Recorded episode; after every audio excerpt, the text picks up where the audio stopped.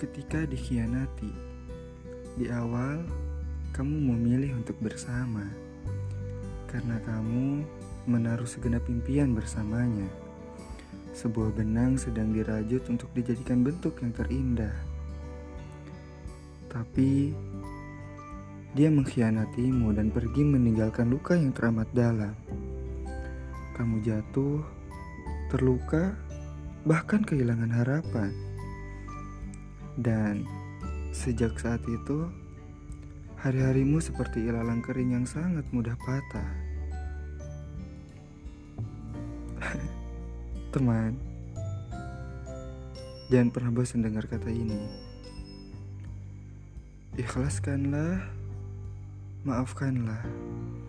Karena ikhlas dan maaf itu bukan untuk mereka, tapi untuk dirimu. Memaafkan bukan berarti kamu menerima perbuatannya. Memaafkan bukan berarti kamu mengatakan bahwa dia yang benar dan kamu yang salah. Tapi dengan memaafkan, kamu bisa mencegah perbuatan mereka agar tidak sampai menghancurkan kamu. Ketahuilah bahwa Allah memiliki cara tersendiri untuk menjauhkan kamu dari hal-hal buruk yang mungkin terjadi di kemudian hari.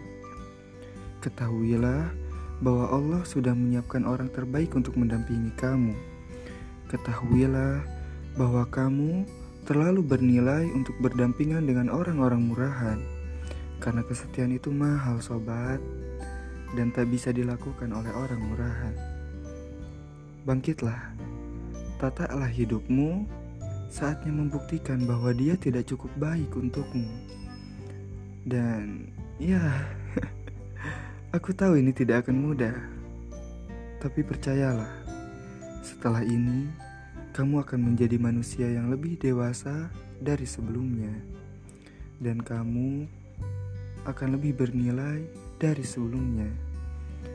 Dan jangan biarkan mereka merebut semua impian kamu.